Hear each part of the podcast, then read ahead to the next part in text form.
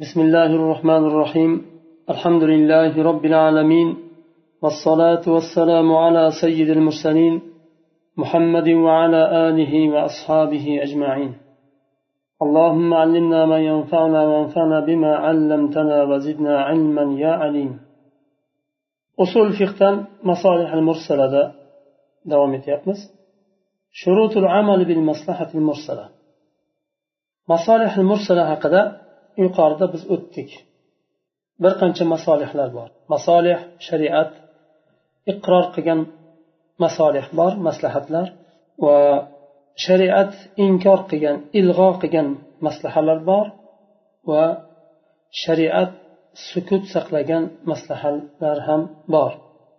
Masolih al mursala shariat sukut saqlagan maslahalar buyurmagan ham qaytarmagan ham. bularni endi shartlari bor qachon masolihil mursalaga amal qilish mumkin يشترط لصحة العمل أو الحكم بمقتضى المصلحة المرسلة عند من قال بها أمور مصالح المرسلة حجة قبول قيام olimlarni nazdida bu maslahat masolihil mursalani hukmining taqozosiga ko'ra amal qilishlik uchun shartlar bor Shu shartlar topilsa undan keyin masolihil mursalani dalil sifatida qabul qilib amal qilsa bo'ladi dalil derkan hali keladi shar'iy dalilga kirmaydi الشرط الأول أن لا يخالف الحكم المثبت بالمصلحة نصا شرعيا فما وردت به الشريعة من الأحكام لا يجوز معارضتها بأحكام يدعى بناؤها على المصلحة لأنها حينئذ تكون مصالح مصالح آه، ملغاة في نظر آه، في نظر الشرائع شارع. لأنه بني الحكم على خلاف ما تقتضيه تلك الأحكام.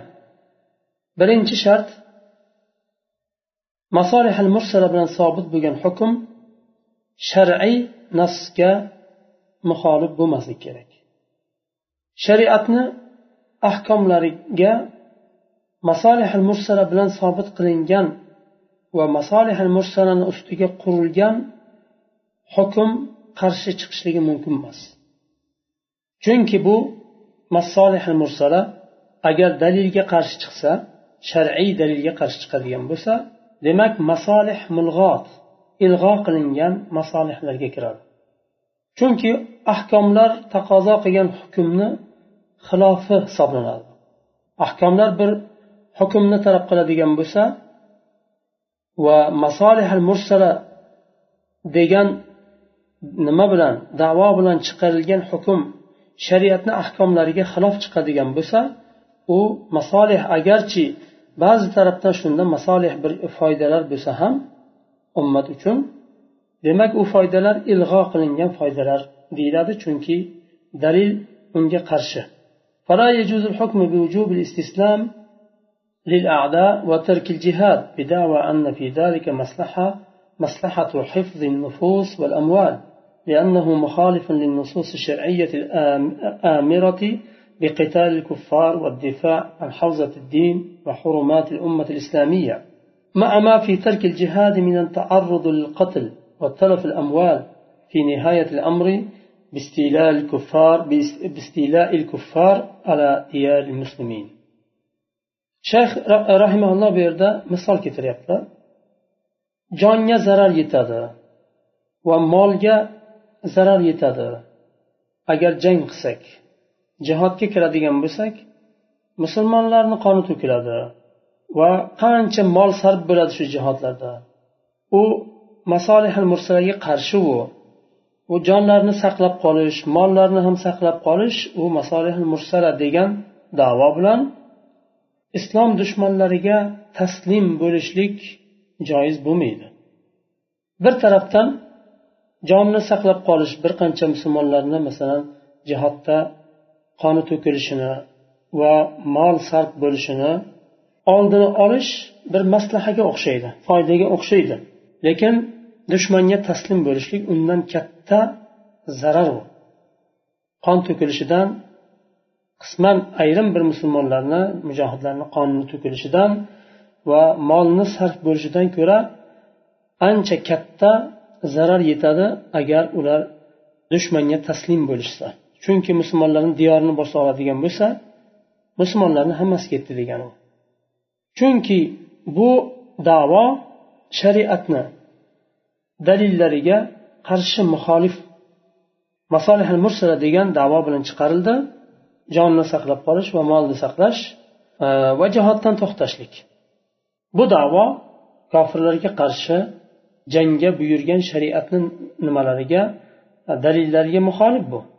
Va dinni himoya qilish va musulmonlarni hurmatlarini himoya qilish uchun buyurilgan jangga e, jihodga buyurilgan dalillarga qarshi bo'lgan masolih hisoblanadi. Agarchi jihodni tark qilishlikda ba'zi bir nima bo'lsa ham haligi jonni saqlab qolish va molni saqlab qolishga o'xshagan ba'zi bir kichkina foydalar bo'lsa ham lekin taslim bo'lishlikda undan katta zarar bor. Va u zarardan ham kattasi allohni hukmiga qarshi chiqilgan bo'ladi. Demak bu maslaha agar maslaha deb hisoblangan bo'lsa ham kimlarni nazarida u shariatga xilof bo'lgani uchun ilg'o qilingan maslaha deyiladi. ووجهه أن المصالح التي رعاها الشرع عند تشريع الجهاد من إعزاز, الدين وحصول الهيبة لأهله وما يستتبعه ذلك من المصالح العظيمة يلغي بجانبها ما فيه من التعرض لفقد بعض الأموال وتلف بعض النفوس shariat bu jihodni farz qilishlikda qancha mas masolihlarni qasd qildi. Jihodni farz qilarkan bu farz qilingan hukmni orqasida qancha maslahalar bor foydalar bor. U foydalar dinni aziz bo'lishligi va bu din ahlini ahli uchun bir haybatni hosil bo'lishligi va ulardan boshqa bularni orqasidan ergashadigan bu jihodni orqasidan ergashib keladigan qancha buyuk masolihlar bor. Bu masolihlar qolgan kichkina masolihlarni ilg'o qiladi. U kichkina masolihlar masalan molni sarf bo'lishligi jihodda va ba'zi bir jonlarni yo qon to'kilishi bu kichkina masolihlar hisoblanadi va ilg'o qilingan masolihlar hisoblanadi. الشرط الثاني إكنج شرط أن لا يكون في الحكم بمقتضى المصلحة المرسلة إثبات عبادة جديدة ولا إضافة ركن أو شرط لعبادة مشروعة ولا زيادة أو نقص, نقص في مقدر شرعي كزيادة التعويض على الدية إكنج شرط مصالح المرسلة hukmini orqasidan kelib chiqadigan narsa bir yangi ibodatni isbot qilishlik bo'lmaslik kerak. Chunki shariat ibodat demagan narsa shariatda dalil bilan sobit bo'lmagan narsa ibodat u ibodat emas dindan emas u. Shuningdek bir ibodatda rukunni ziyoda qilishlik yoyinki bir shartni ham ziyoda qilmasligi kerak. Ya'ni masolihil mursala ibodatdagi bir shartni yo rukunni ziyoda qilmaslik kerak. Masalan aytaylik fajr namozini to'rt rakat qilaylik. Chunki ummat e, yalqov dangasa bo'lib ketyapti. Biroz e, ko'proq ibodat qilsa nima bo'ladi degan mazmunda ibodatni ziyoda qilib bo'lmaydi. Yo ramazon oyini ozaytirish yo ko'paytirish deganga o'xshagan bir ibodatni alloh taolo farz qilgan va belgilab bergan ibodatni o'zgartirish mumkin emas masolihil mursala shu narsaga olib bormaslik kerak shariat taqdir qilgan narsada ham ziyoda yo nuqson qilmaslik kerak masalan diya to'lashlik kerak diyani shariat belgilab bergan undan oz yo ko'p qilishlik mumkin emas masolihil mursala bilan buni isbot qilib bo'lmaydi chunki dalilga qarshi bo'lyapti u maslahat deyilmaydi الشرط الثالث أن يكون حصول المصلحة بالحكم مقطوعا به أو غالبا على الظن. أما المصالح التي يكون تحصيلها بالحكم موهوما فلا يجوز العمل بها. وشن شرط مصلحة حاصل بلش لك أنق بلش كرك مقطوع يعني كسن مصلحة بلش لك كرك أصل هذا مقصد بلترب maslahaga o'xshab ko'ringan bo'lmaslik kerak. Yoyinki kesim bo'lmasa ham g'alabati zon bo'lishi kerak. G'alabati zon ya'ni gumon ko'proq. Bu maslahami maslaha bormi bunda yo yo'qmi degan savolda masalan gumon ko'proq bo'lishlik kerak maslaha bor degan. Buni g'alabati zon deydi. Ammo vahm bilan sobit bo'lgan hosil bo'lgan maslaha u maslaha emas. U bilan amal qilib bo'lmaydi unga. الشرط الرابع تورتن شرط ألا يستتبع الحكم بمقتضى تلك المصلحة مفسدة أعظم من تلك المصلحة أو مساوية لها بل لا بد أن تكون المصلحة أكبر تورتن شرط مصالح المرسلة بلن صابت بجن حكمنا orqasidan kelib chiqadi degan foydadan ko'ra zarari katta bo'lib chiqmasligi kerak buni. Agar biz bir masolihal mursala bilan bir hukmni olsak biz ko'zlagan foydadan ko'ra zarar kattaroq bo'lib chiqadigan bo'lsa bu masolihal mursala deyilmaydi va amal qilishlik joiz bo'lmaydi bunga. Yoyinki barobar ham bo'lmaslik kerak. Masolihal mursala deb oldik.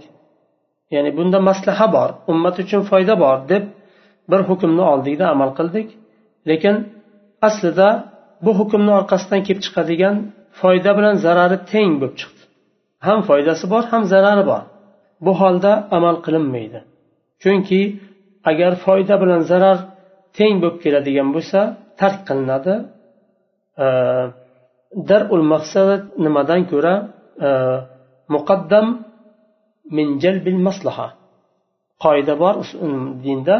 Maqsadani daf qilishlik maslahani jalb qilishdan ko'ra muqaddam. Bir narsada ham foyda bor ham zarari bor. Qaralinadi agar foydasi katta bo'ladigan bo'lsa olishlik mumkin uni. Agar foyda bilan zarari barobar bo'ladigan bo'lsa maqsadani daf qilishlik maslahani jalb qilishdan ko'ra muqaddam turadi. Buni olinmaydi. بل لا بد أن يكون المصلحة أكبر. بلكي نما مصلحة مفسدة كورا كتب كيرك الشرط الخامس أن يكون إصدار الحكم مرادا به المصلحة العامة للأمة الإسلامية. مصلحة مصالح المرسلة بيول بلان.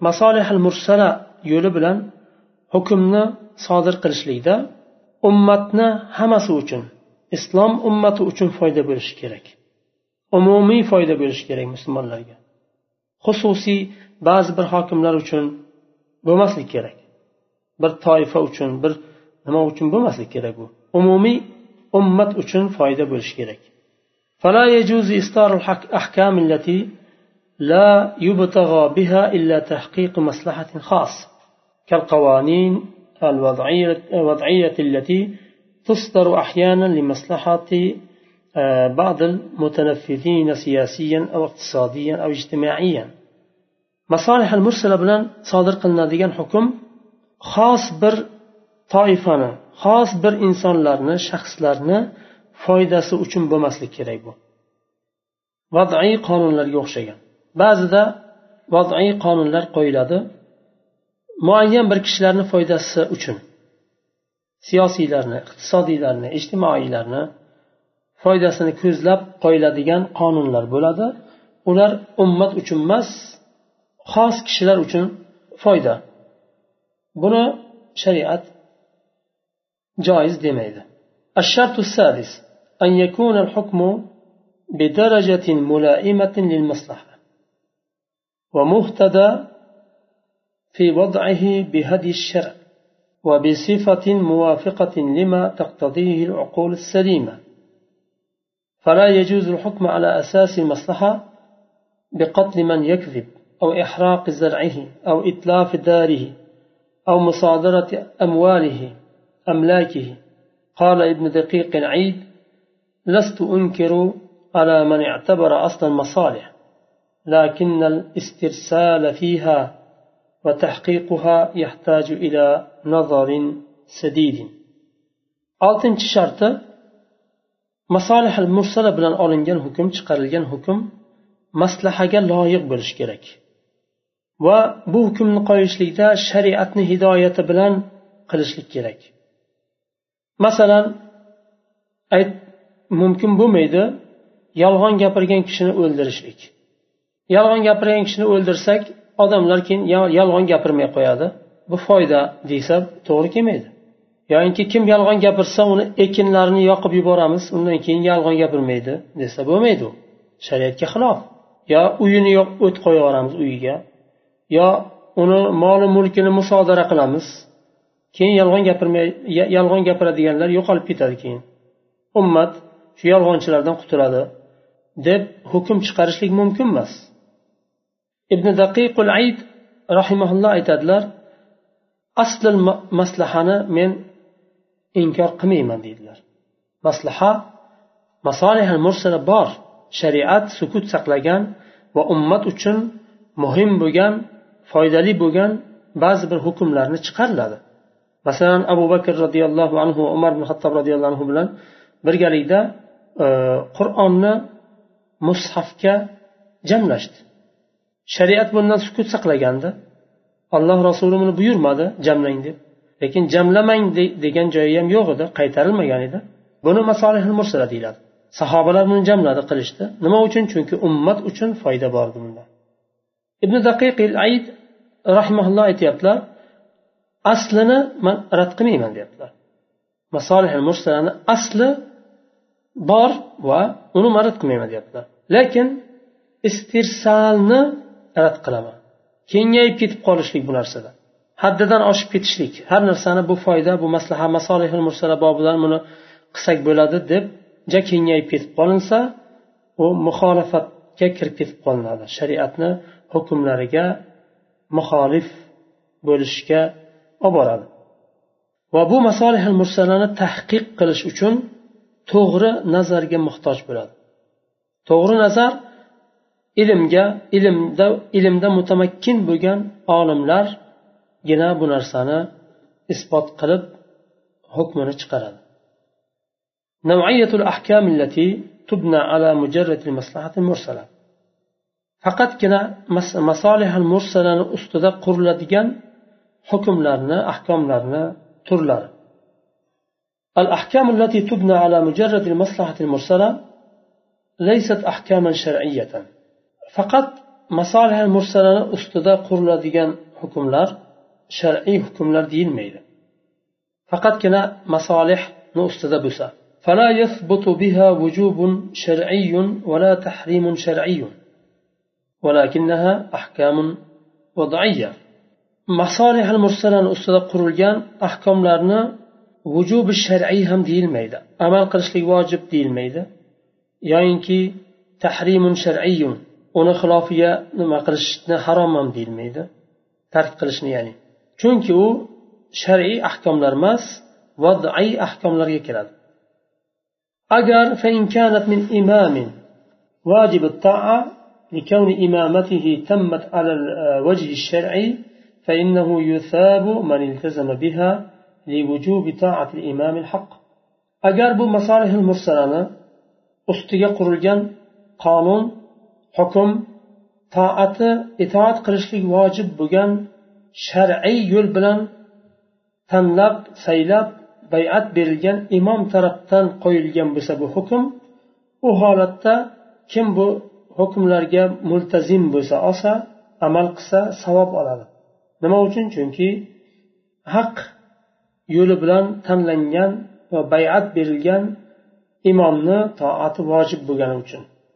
وكذا يجب الالتزام بها إن كان الإخلال بها يؤدي إلى الإضرار بالناس وحصول الفوضى shuningdek bu masolih al mursala bilan isbot qilingan hukmga amal qilish vojib bo'ladi agar amal qilmasa odamlarga zarar yetadigan bo'lsa yoyinki bir beboshlik tartibsizlik yuzaga chiqadigan bo'lsa amal qilinmaganda u holatda amal qilishlik vojib bo'ladi. Misoli bu yerda shayx aytyaptilar qavoninil murur ishora mana yo'ldagi ishoralar. Chorrahalarda to'rt ko'chalarda nima ishora qo'yiladi? Yashil yonganda nimalar aravalar o'tadi qizil yonganda to'xtaydi. Agar bunga amal qilmay qo'yilsa hayotdagi tartibi buzilishga olib boradi odamlarni janjalga olib boradi E, yo'ldagi harakatlarni buzdirib odamlarga qiyinchilik olib keladi. Shuning uchun ularga bu qonunlarga amal qilishlik vojib bo'ladi. Nima uchun? Ya'ni bir inson qo'ygani uchun emas uni. Odamlarni tartibini saqlashlikka olib borgani uchun bu. Agar bunga amal qilishni tark qiladigan bo'lsa odamlarga zarar keltiradi va hayot tartibi buziladi. Yashash nimasi? Qiyinlashadi. فهذا النوع وأمثاله يجب الالتزام به ولو صدر من من لا تجب طاعته من أسباب من أصحاب السلطان. ما دام مرادا به تحقيق المصالح العامة ودفع الأضرار التي تنشأ من عدم التقيد بها. bunga o'xshagan qonunlarga amal qilishlik vojib bo'ladi. Agar bu qonunlar toati itoat qilishlik vojib bo'lmaydigan kishilar tarafdan qo'yilgan bo'lsa ham modomiki bu qonunlarda umumiy foydalar bor ekan xalq uchun foydalar bor ekan bunga amal qilishlik vojib bo'ladi chunki uni e, nima tark qilishlikda zarar bor ومما يبين لكم أن مثل هذا الأحكام هذه الأحكام ليست أحكاما شرعية endi sizlarga bayon bo'ldi deyaptilar bu ahkomlarga o'xshagan ahkomlar shar'iy ahkomlar hisoblanmaydi agar shar'iy ahkomlar desak din dindan deganimiz bu والله تعالى قد أكمل الدين فلا يزاد فيه الله تعالى ديننا كامل قلده unga endi ziyoda qilinmaydi قال الله تعالى اليوم أكملت لكم دينكم وأتممت عليكم نعمتي ورضيت لكم الإسلام دينا.